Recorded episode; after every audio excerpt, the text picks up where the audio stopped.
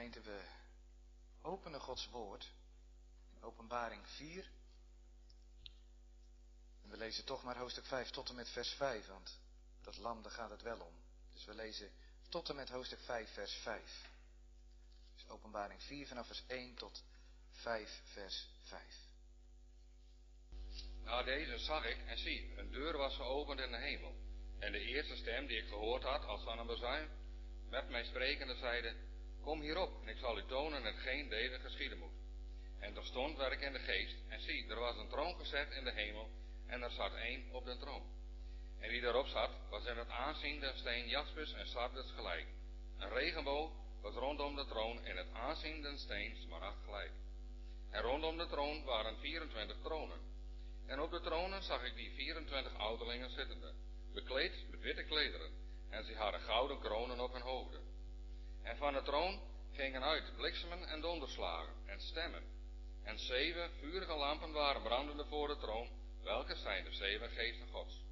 En voor de troon was een glazen zee, kristal gelijk. En in het midden des troons en rondom de troon vier dieren, zijnde vol ogen van voren en van achteren. En het eerste dier was een leeuw gelijk, en het tweede dier een kalf gelijk. En het derde dier had het aangezicht als een mens, en het vierde dier was een vliegende arende gelijk. En de vier dieren hadden elk een voor zichzelf zes vleugelen rondom, en waren van binnen vol ogen. En hebben geen rust dag en nacht, zeggende, Heilig, heilig, heilig is de Heere God, de Almachtige, die was en die is en die komen zal. En wanneer de dieren heerlijkheid en eer en dankzegging gaven hem, die op de troon zat, die in alle eeuwigheid leeft.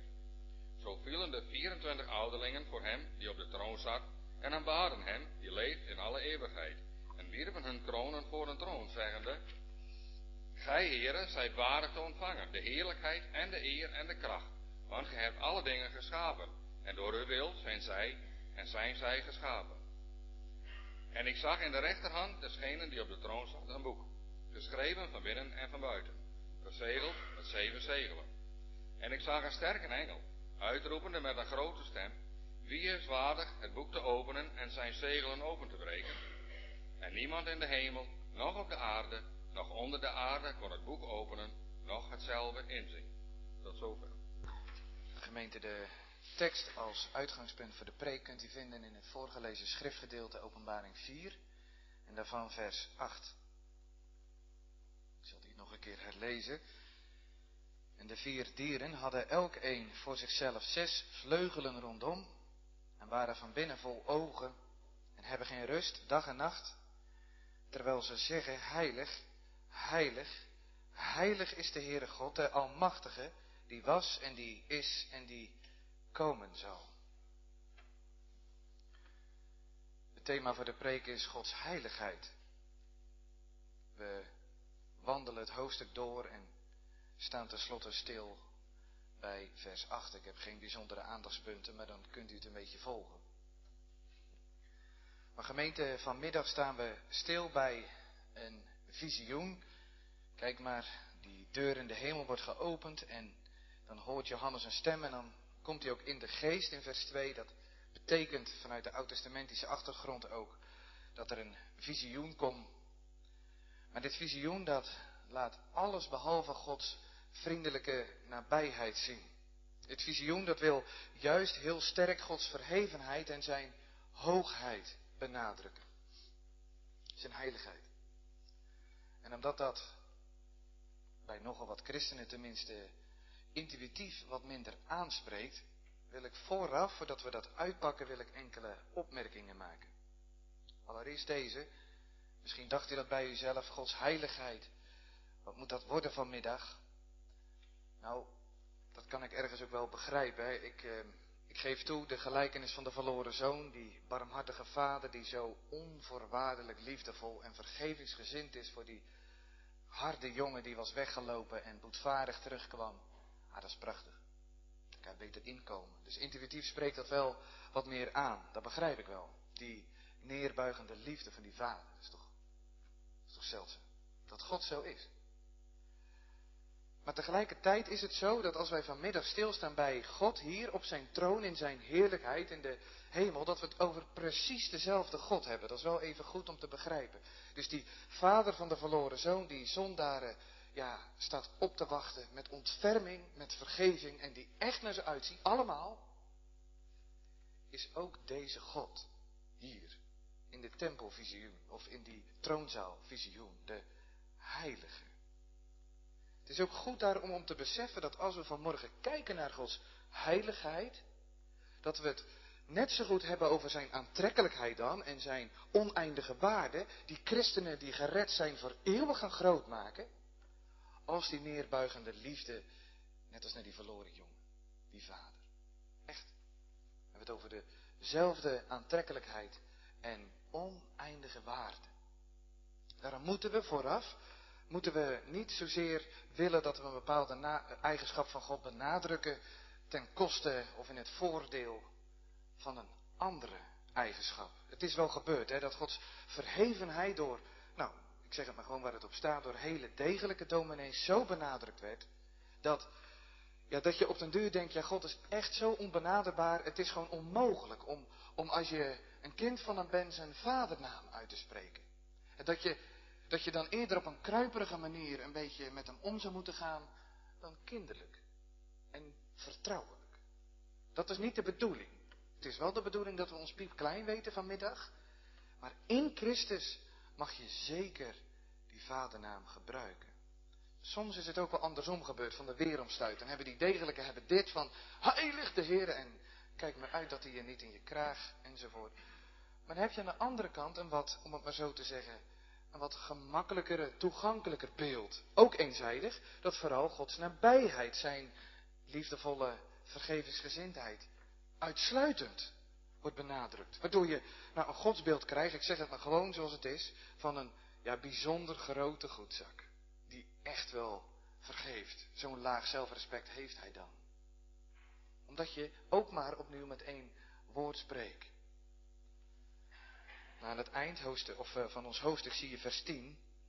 Zie je dat die ouderlingen, die vallen in aanbidding neer. Hè? U snapt wel, als je alleen Gods nabijheid en liefde en goedheid en vergevingsgezindheid alleen benadrukt, dan val je niet zozeer neer in aanbidding. Ik denk wel in dankzegging, dat wel. Van, oh, dank u wel dat u zo goed bent.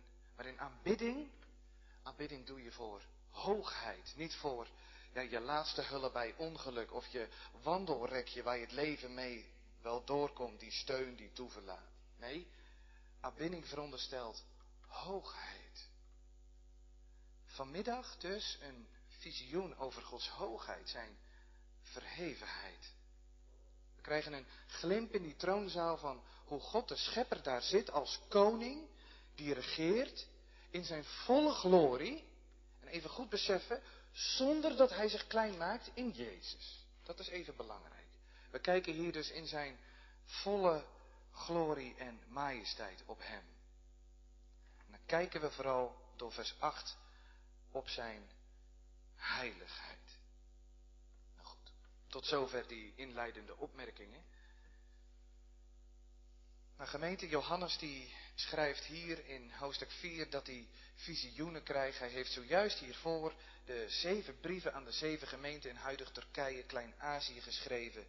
En nu gaat hij iets vertellen over de geschiedenis die de kerk te wachten staat. En dat doet hij op een eigenaardige manier. Dat hebben we wel gemerkt toen we het lazen. Het is niet zo duidelijk of vanzelfsprekend wat hij allemaal bedoelt. Dat heeft te maken met het genre. We noemen dat apocalyptische profetie. Dat hoef je helemaal niet te onthouden. Maar als je maar begrijpt dat dan de leesregel om dit te begrijpen is dat je die symbolische dingen vertaalt omdat ze echt wel gaan over letterlijke historische feiten of dingen. Maar je moet het daarom niet letterlijk lezen. Je moet dat symbolische moet je vertalen. Dat is even belangrijk. Dus we lezen een gedicht ook niet als een telefoonboek. En we lezen een telefoonboek ook niet als een grammaticaboek voor Engels enzovoort. We hebben genres, openbaring ook. Apocalyptische profetie. Johannes gebruikt symbolische beelden. En dat doet hij vooral, voor iemand die een beetje thuis is in zijn Bijbel, die weet dat wel. Dat doet hij vooral in beelden en gedachten en symboliek uit het Oude Testament. Dus om dit ook een beetje te volgen moet je een beetje gevoeligheid hebben ook voor het Oude Testament. Dus ik geef toe, het punt dat gaan de jongeren wel snappen. Maar dat je niet ieder detail helemaal vat, prima. In ieder geval zeg ik op voorhand, Ezekiel 1 en 2 in Jezaja 6 staan primair bovenal op de achtergrond. Goed, dan gaan we nu in alle bescheidenheid proberen mee te wandelen waar Johannes ons bij de hand neemt. Want hij had ook gewoon gerust dit hoofdstuk in één zin kunnen zeggen, maar hij wil dat we het voelen, beleven, dat we zien wat er gebeurt. Moeten hem volgen als hij als het ware steeds meer onder de lens legt om ons iets te leren. Nou, het visioen is begonnen. Johannes is door de Heilige Geest in die hemel vervoerd. En hij ziet daar dan in die hemelse heerlijkheid in vers 2 een troon. Een troon. Kom hierop en dan ziet hij hem staan. Wie zit er op een troon, jonge vrienden? Kinderen, wie zit er op een troon? Als het goed is, kunnen de kinderen dat wel raden. Dat is een, een koning. Maar waar staat een troon normaal genomen? Dat kunnen de kinderen ook snappen. Dat is ook zo nu nog steeds bij koningen. Dat is in een troonzaal. Nou, hier zit dus symbolisch, want het is nooit letterlijk bedoeld, God is een geest, maar symbolisch zit God dus hier op de troon, in de troonzaal, in de hemel. En dat God een geest is, dat valt al direct op als je doorleest. Als Johannes wil beschrijven in vers 3 wie hij op de troon ziet. En dan zie je dat niet direct. Hij begint over kleuren, jaspis, die steen en, en sardis en een regenboog van smaragd. Maar je ziet het niet precies wie God is. God is een geest. Paulus die zegt in 1 Timotheus 1, hij is onzichtbaar. Dus je moet niet denken dat Johannes letterlijk God ziet, maar hij ziet wel iets van zijn uiting, van zijn glorie. En daarom worden die stenen genoemd. Dat ziet op de heerlijkheid van God. Net als die regenboog om de troon. Die, die, stralende kleuren van sardis en jaspis zijn dan roodbruin. En die regenboog, regenboog is dan wat groenig. Dus groenig en dan roodbruin. En dat straalt zo van die troon. Meer ziet hij niet echt. Ezekiel 1 zag dat ook in het Oude Testament. Dan moet je maar horen. Dan hoor je ook die regenboog. Hij zag iets zoals het uiterlijk van de regenboog, dat, dat verschijnt op de dag van de regen in de wolken. Zo was het uiterlijk van die lichtgrans rondom en het was de verschijning van de gedaante van de heerlijkheid van de Heer. En iedere Jood wist wat er dan gebeurde. Dit. Dat gebeurde. Dan ging je plat op je grond. Zo. Plat op je grond. Dat is de bedoeling van vers 3. Wij zijn geen Jood, maar dat moet u goed beseffen. Dit is de reactie. Johannes wil het laten voelen. We moeten dit beleven. Dus we zien iets oogverblindends, waardoor je gewoon door de knieën gaat. Dat gebeurt er. Je werpt je ter aarde. Net als die 24 ouderlingen aan het eind. Dan zie je dat ook. Die snappen dat. Die gaan lang uit. Maar Johannes ziet meer. Hij ziet 24 tronen met 24 ouderlingen. Dat laat ik even liggen. Maar dat ziet in ieder geval op een vertegenwoordiging van de triomferende kerk. Twaalf uit het Oude Testament, twaalf stammen, twaalf apostelen, Nieuwe Testament. Symbolisch vertegenwoordigd in de hemel. Maar dan lezen we door. Nadat we lang uit op de grond zijn gevallen, horen we dan bliksem en donderslagen en stemmen. En zien we een soort van onweer onder die troon vandaan komen. U begrijpt wel, niet letterlijk, wil ons iets laten voelen. In het Oude Testament gebeurde er namelijk iets als God zo verscheen aan zijn volk in donderslagen en in bliksem. Die dominees vroeger lazen dat vers wel eens voor na de wetlezing. Dan hoorde je dit. En al het volk zag de donder en de bliksem, het geluid van de bezuin en de rokende berg. Toen het volk zulk zag, weken ze af en stonden van verre. Dat is hier ook de bedoeling die audiovisuele aspecten die Johannes ons voorhoudt, is dus goed begrijpen vanmiddag. Uitkijken.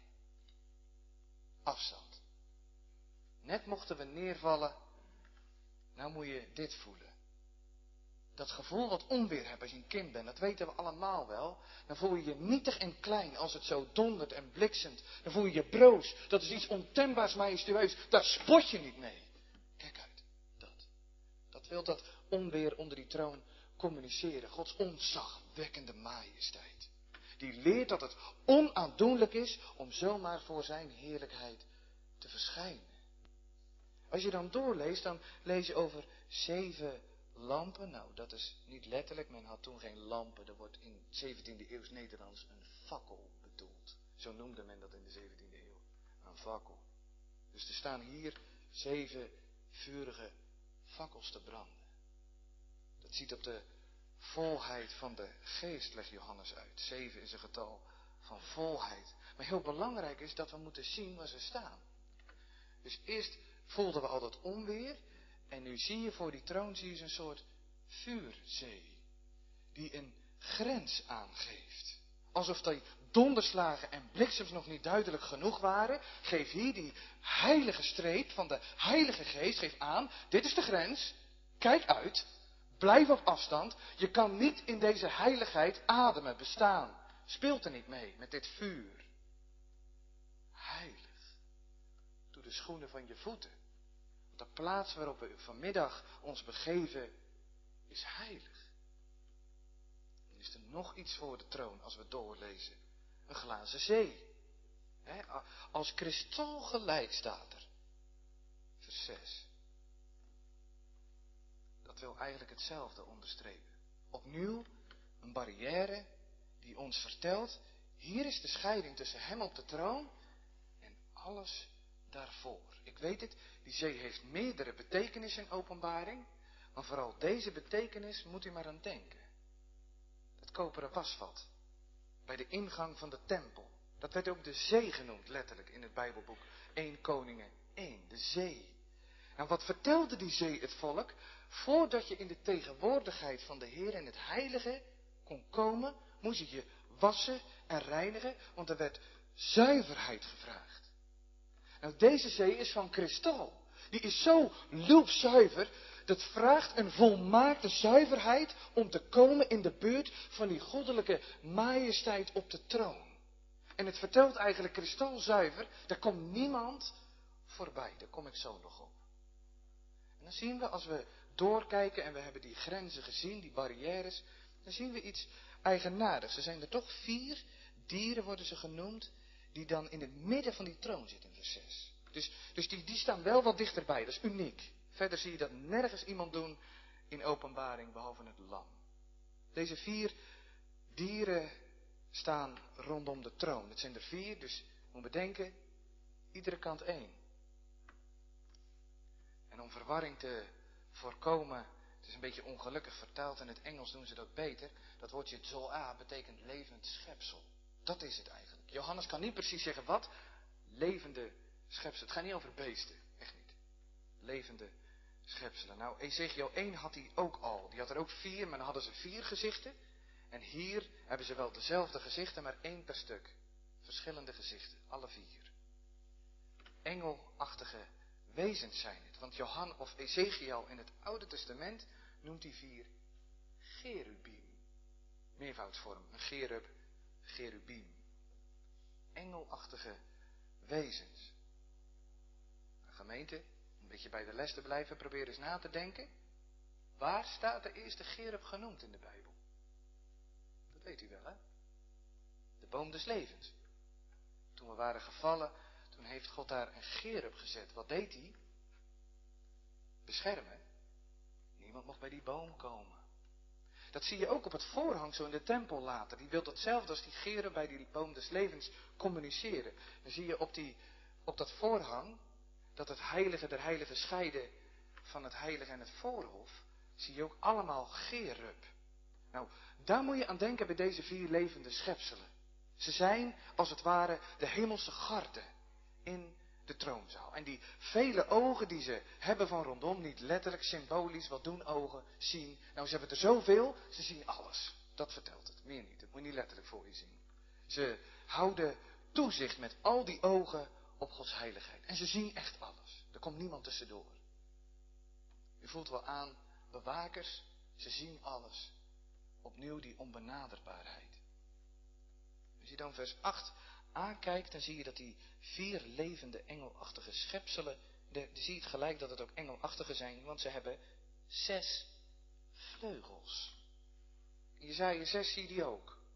Daar worden ze serafim genoemd, meervoudsvorm seraf. Een soort engelachtig schepsel. En ze roepen daar in Jezaja 6 ook hetzelfde. Heilig, heilig, heilig is de Heere der legerscharen. moet u maar even onthouden. Dan staan ze zo. Twee vleugels voor de ogen. Twee voor de voeten. Staat een beetje voor onreinheid, hè, bezoedelen. En dan met twee gehoorzamen ze aan hem op de troon. Nou kan je afvragen waarom die vier levende schepselen vier gezichten hebben. Ietsje meer betekenissen, maar deze wil het vanmiddag in ieder geval vertellen. Ze hebben vier gezichten. En als je dan kijkt zie je dat die eerste een leeuw is. Wat is een leeuw? Koning van de dieren. Een kalf en een os wordt, of net hoe je het vertaalt, maar kalf of os wordt daarna genoemd. Dat was de krachtigste en de beste van de dieren in het huishouden van de getemde dieren van toen. Dat was ook de topper. Maar dan onder de getemde dieren, de leeuw van de wilde. Nou dan zie je daarna iets als een mensengezicht. Dat was de kroon op de schepping. Heb je weer een hooggeplaatste. Nou, die vogel, arend, hetzelfde. Dat is zo ongeveer wel de koninklijke onder alle vogels. Dus samen, als je ziet dat ze alleen maar gezichten hebben van de allerhoogste in de schepping, wil dat eigenlijk zeggen voor u, voor uw beeldvorming, dit zijn de allerhoogste in de hemel. Dus die gezichten zijn niet letterlijk. Als wij nu een engel gaan zien, zien we niet, hé, hey, die heeft een arendkop en die heeft een leeuwenkop. Dat is niet de bedoeling. U moet dit vertalen. We hebben het hier te maken met de meest machtige bewaking denkbaar. De hoogste van de hoogste orde. En ze hebben twee keer, vermeld Johannes, die ogen. Dus die willen hun macht alleen maar in alle gewilligheid en gehoorzaamheid aanwenden om die troon te beschermen. Het is de elitaire topbewaking.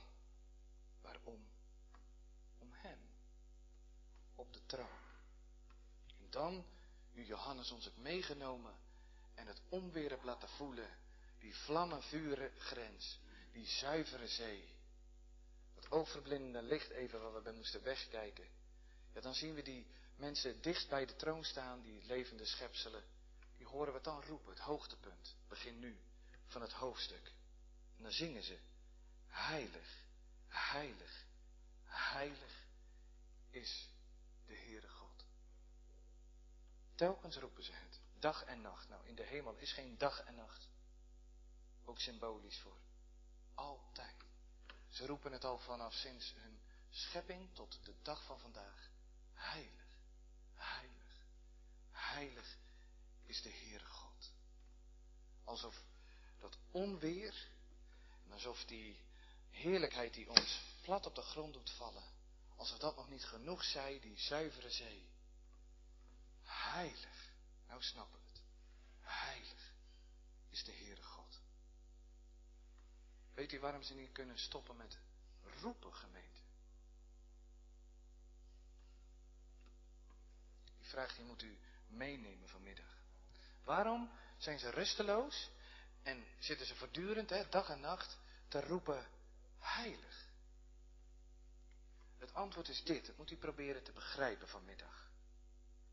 Deze schepselen, die ontvangen ieder moment, eeuwig, ieder moment, een nieuw bewijs van Gods heiligheid. En ieder nieuw bewijs doet hun aansporen en opwekken heilig.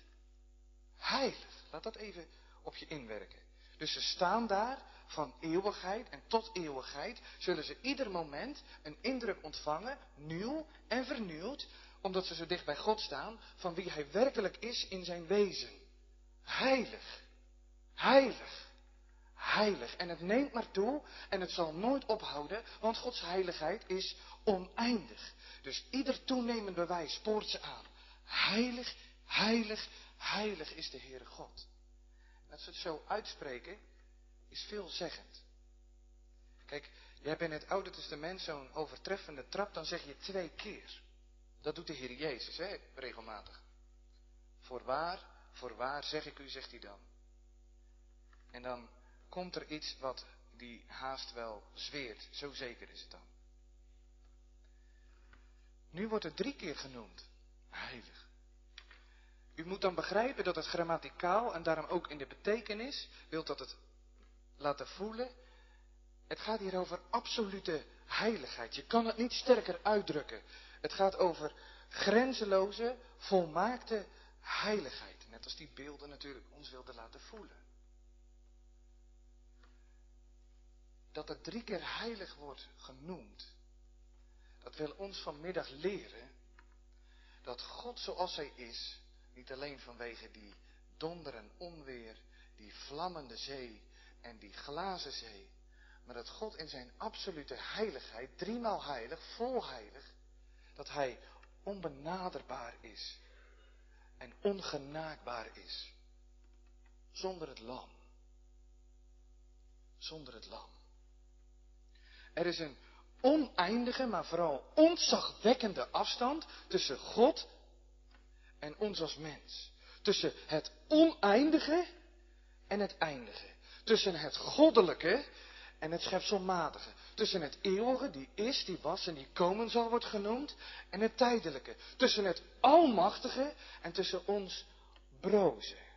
Hij is totaal anders. Hij valt buiten alle categorieën in oneindigheid, heerlijkheid en grootheid. En dat beseffen die engelen ieder moment. En ze kunnen alleen maar heilig roepen. Heilig. Heilig is de Heere God. En als je dan begrijpt dat Jezaja 6 hier op de achtergrond ligt, dan moet je je voorstellen dat ze zo staan met twee, twee vleugels voor hun ogen. En twee voor hun voeten. En zo dat telkens maar uitroepen. Nog een keer, weet u waarom? Dat ze dit doen. Deze volmaakte, ongevallen, zuivere, engelenachtige schepsels. Dat ze hun ogen moeten bedekken.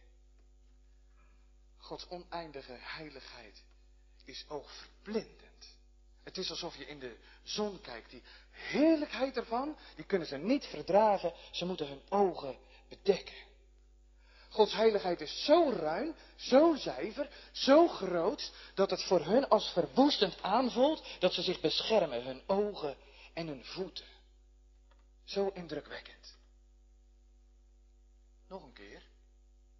Dit doen ongevallen, volmaakte engelen. Weet u waarom? Ik ga het even met mijn handen proberen aan te geven, maar dan heb je er een beeld bij, want het, het is eigenlijk niet te zeggen. Wij denken altijd heel klein van God. Kijk, je moet je voorstellen, God is oneindig heilig. Kan niet wij doen. En deze engelen, die volmaakt zijn en niet gevallen, die zijn eindig heilig. Waarom? Gods heiligheid is goddelijk. En die van die engelen is maar geschapen. Beperkt. Voel u aan? Dus als hun voor die onmetelijke heiligheid staan en ze voelen dat ze maar engelachtig en niet goddelijk en maar schepselmatig en niet oneindig heilig zijn, dan, dan ze, dit, dit gaat niet. Die categorie overstijgt alles. Ik moet me bedekken, ik moet wegwezen hier. Want het is oneindig. En al zijn ze volmaakt, het is maar beperkt. Dat is, dat is de gaande. Gods oneindige heiligheid valt voor hen buiten iedere categorie. De toepassing is makkelijk te maken. Waar blijft u dan? Want dit zijn ongevallen wezens. Die het voelen, dit gaat niet samen. Eindig en oneindig. Waar blijft u? Niet engelachtig, maar mensachtig met, met uw heiligheid. Categorisch nog minder, hè? want wij zijn gevallen mensen.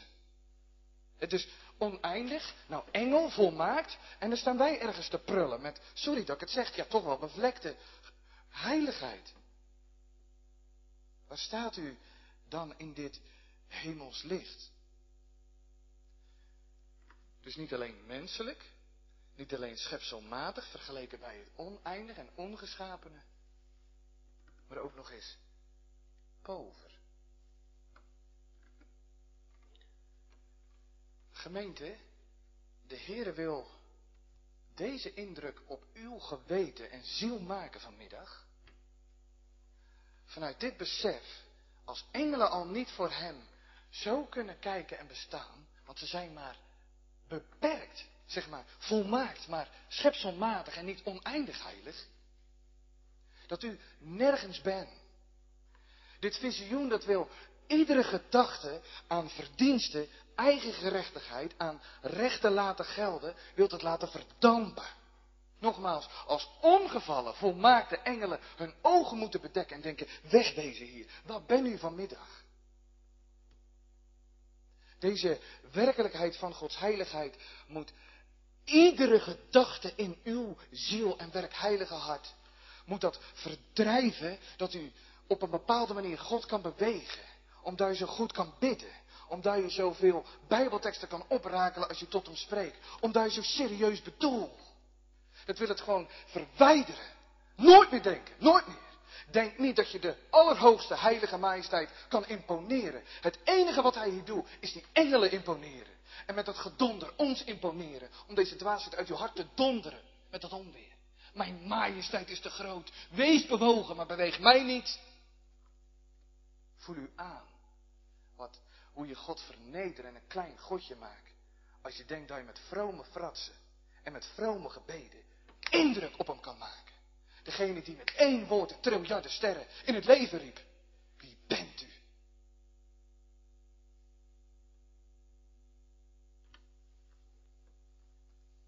Waanzin. Dat is het. Waanzin dat ik met mijn zwarte pak, een serieuze categorisatie, prachtige huwelijk en mijn vrome gebeden, denk dat God blij met mij moet zijn.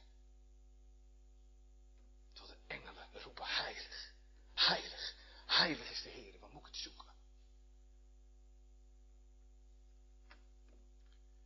Wil u dit alsjeblieft ter harte nemen, gemeente?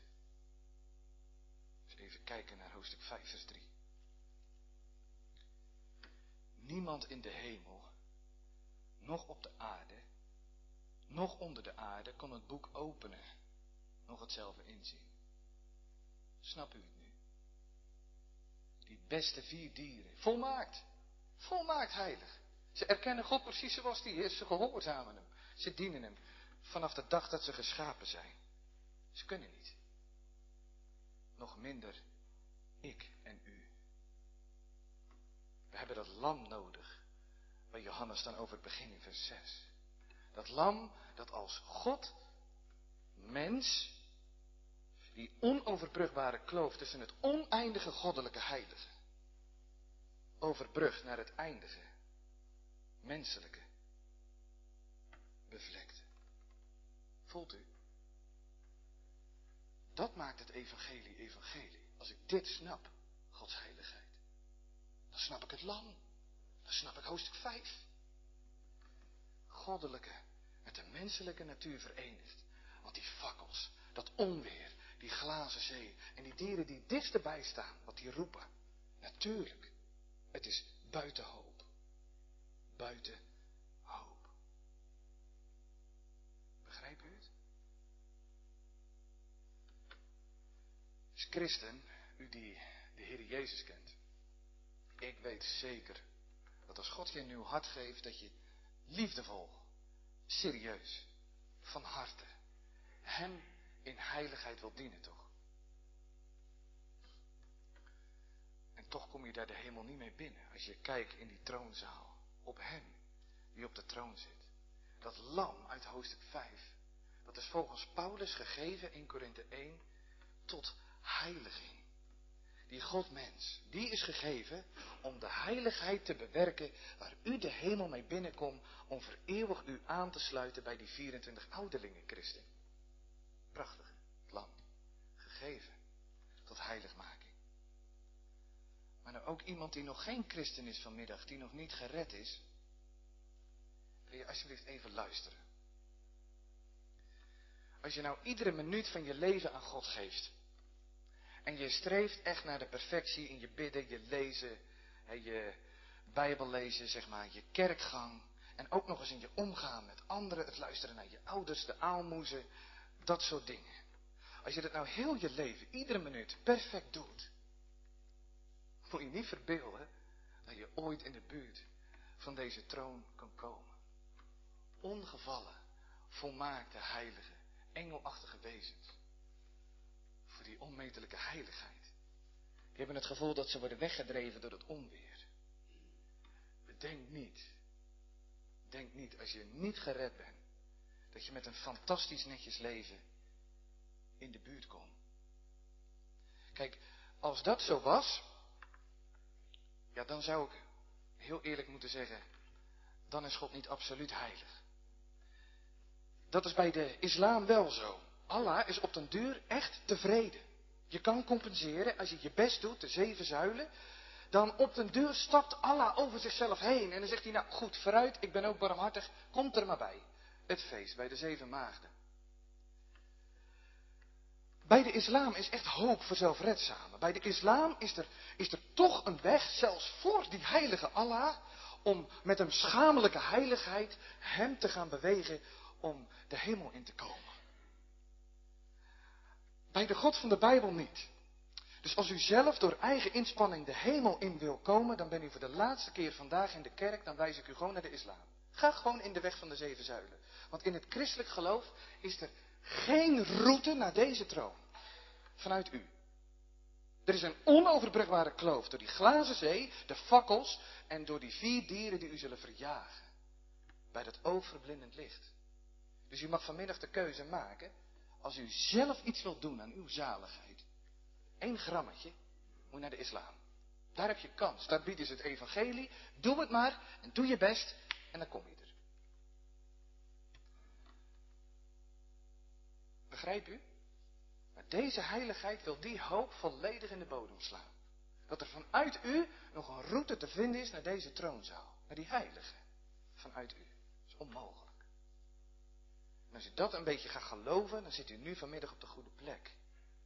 Als het gaat over Gods heiligheid.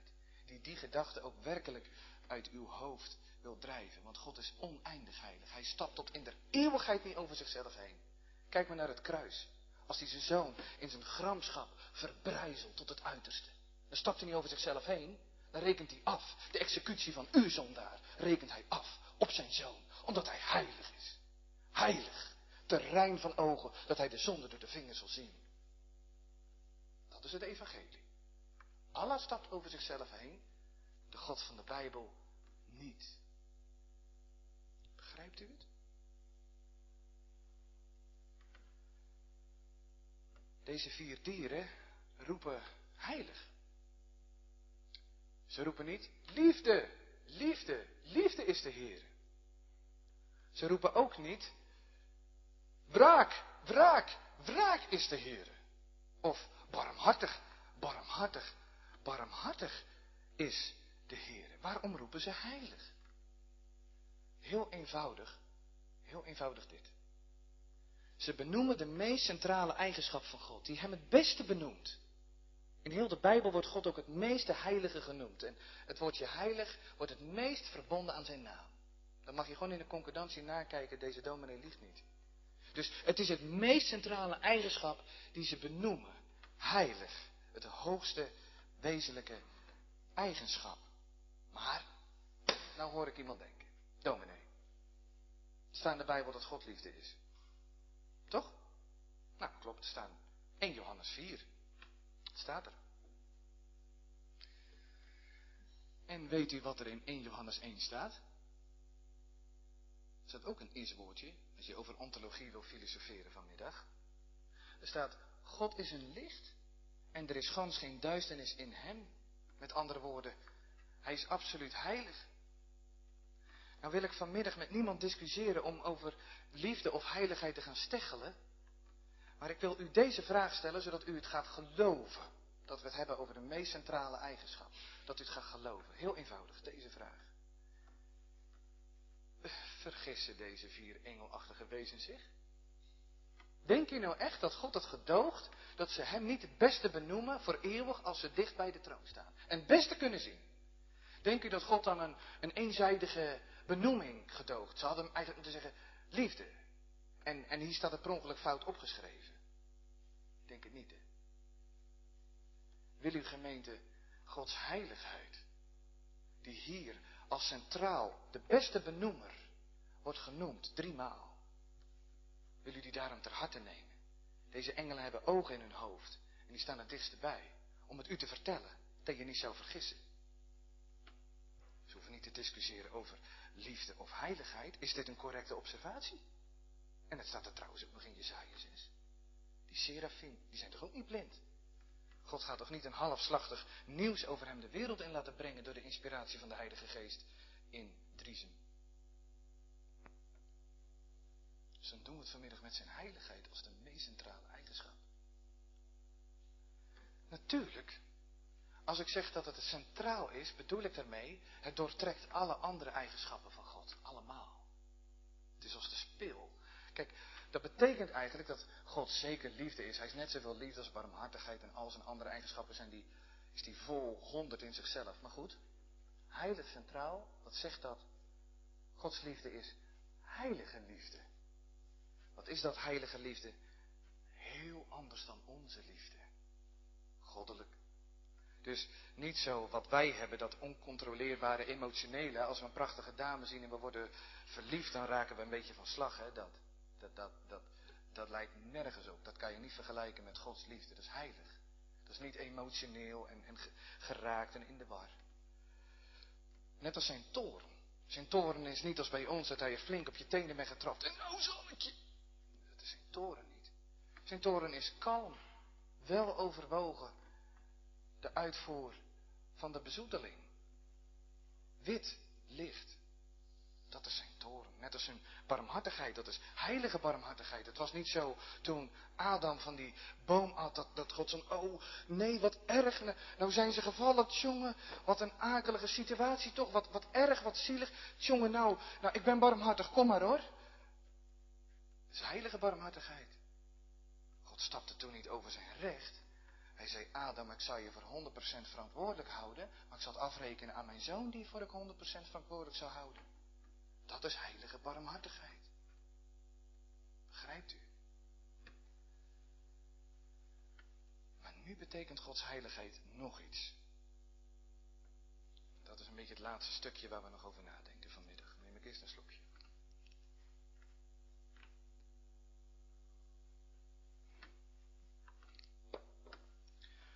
Als gemeente Gods onmetelijke, absolute heiligheid het meest centrale is, dan zegt dat ook iets over zijn hart en over zijn kijken naar ons.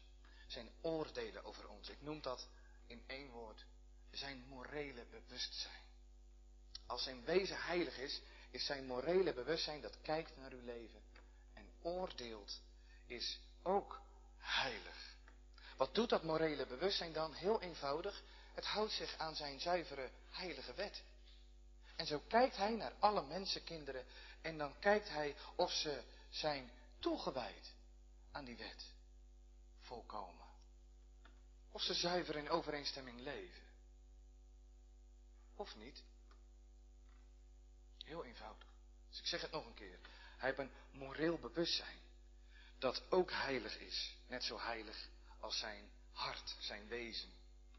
En met dat bewustzijn is hij volledig toegewijd aan zijn heilige wil. Of iedereen leeft in overeenstemming met zijn heilige wil, die wet. Heel eenvoudig.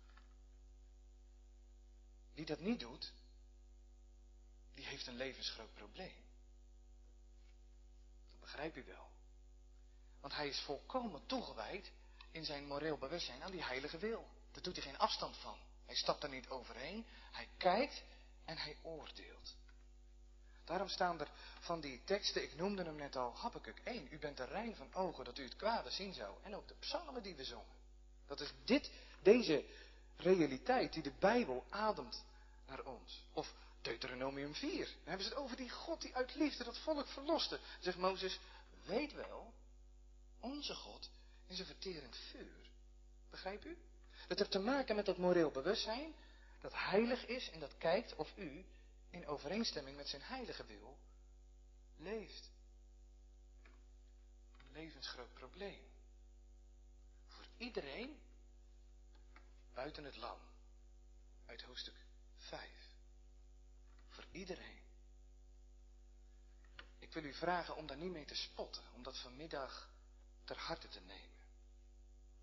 Want wie hier iets te licht over denkt, die is zo dwaas als iemand die verstoppertje gaat spelen in een bosbrand, wat helemaal in de fik staat.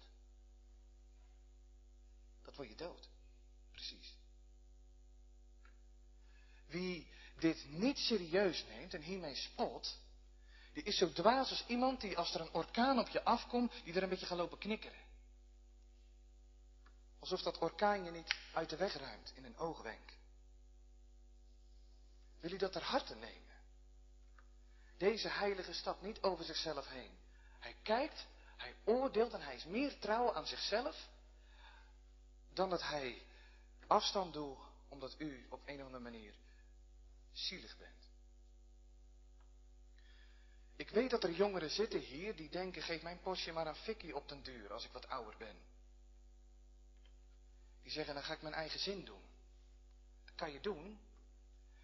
Maar wie deze heilige de deur wijst, die wijst jou of u voor eeuwig de deur. Je kan niet om hem heen. Hij staat je altijd op te wachten. Wijs hem de voordeur uit, staat hij bij de achterdeur je op te wachten. Je kan niet om deze heilige heen. Zijn heiligheid is onmetelijk. Spot er niet mee. Ook niet als je met stiekeme verslaving in je leven bezig bent, met rotzooi. Of je drinkt te veel. Of je bent afgunstig. Of je gedoog je matige vaderschap. Spot niet. Wie licht over zonde denkt, die is net zoals diegene die verstoppertje speelt in het brandende bos vanmiddag. Wie denkt dat het meevalt met zonde, die is net zo suf als diegene die voor een orkaanwind die aankomt een beetje kan lopen knikkeren. Kijk je uit. Ik herhaal graag nog een keer die tekst. God is de rein voor ogen, dat hij de zonde ziet. Haal het niet in je hoofd om hem de deur te wijzen. Maar wees zo verstandig als Mozes. Die ging in die gekloofde rot staan. Die God voor hem had gemaakt. Zodat hij met zijn heerlijkheid voorbij kon gaan. En hij het kon overleven. Spot niet met hem die in een oogwenk miljarden, miljarden sterren, sterren schiet. Kijk uit voor de allergrootste. Ietsje groter dan ons, toch?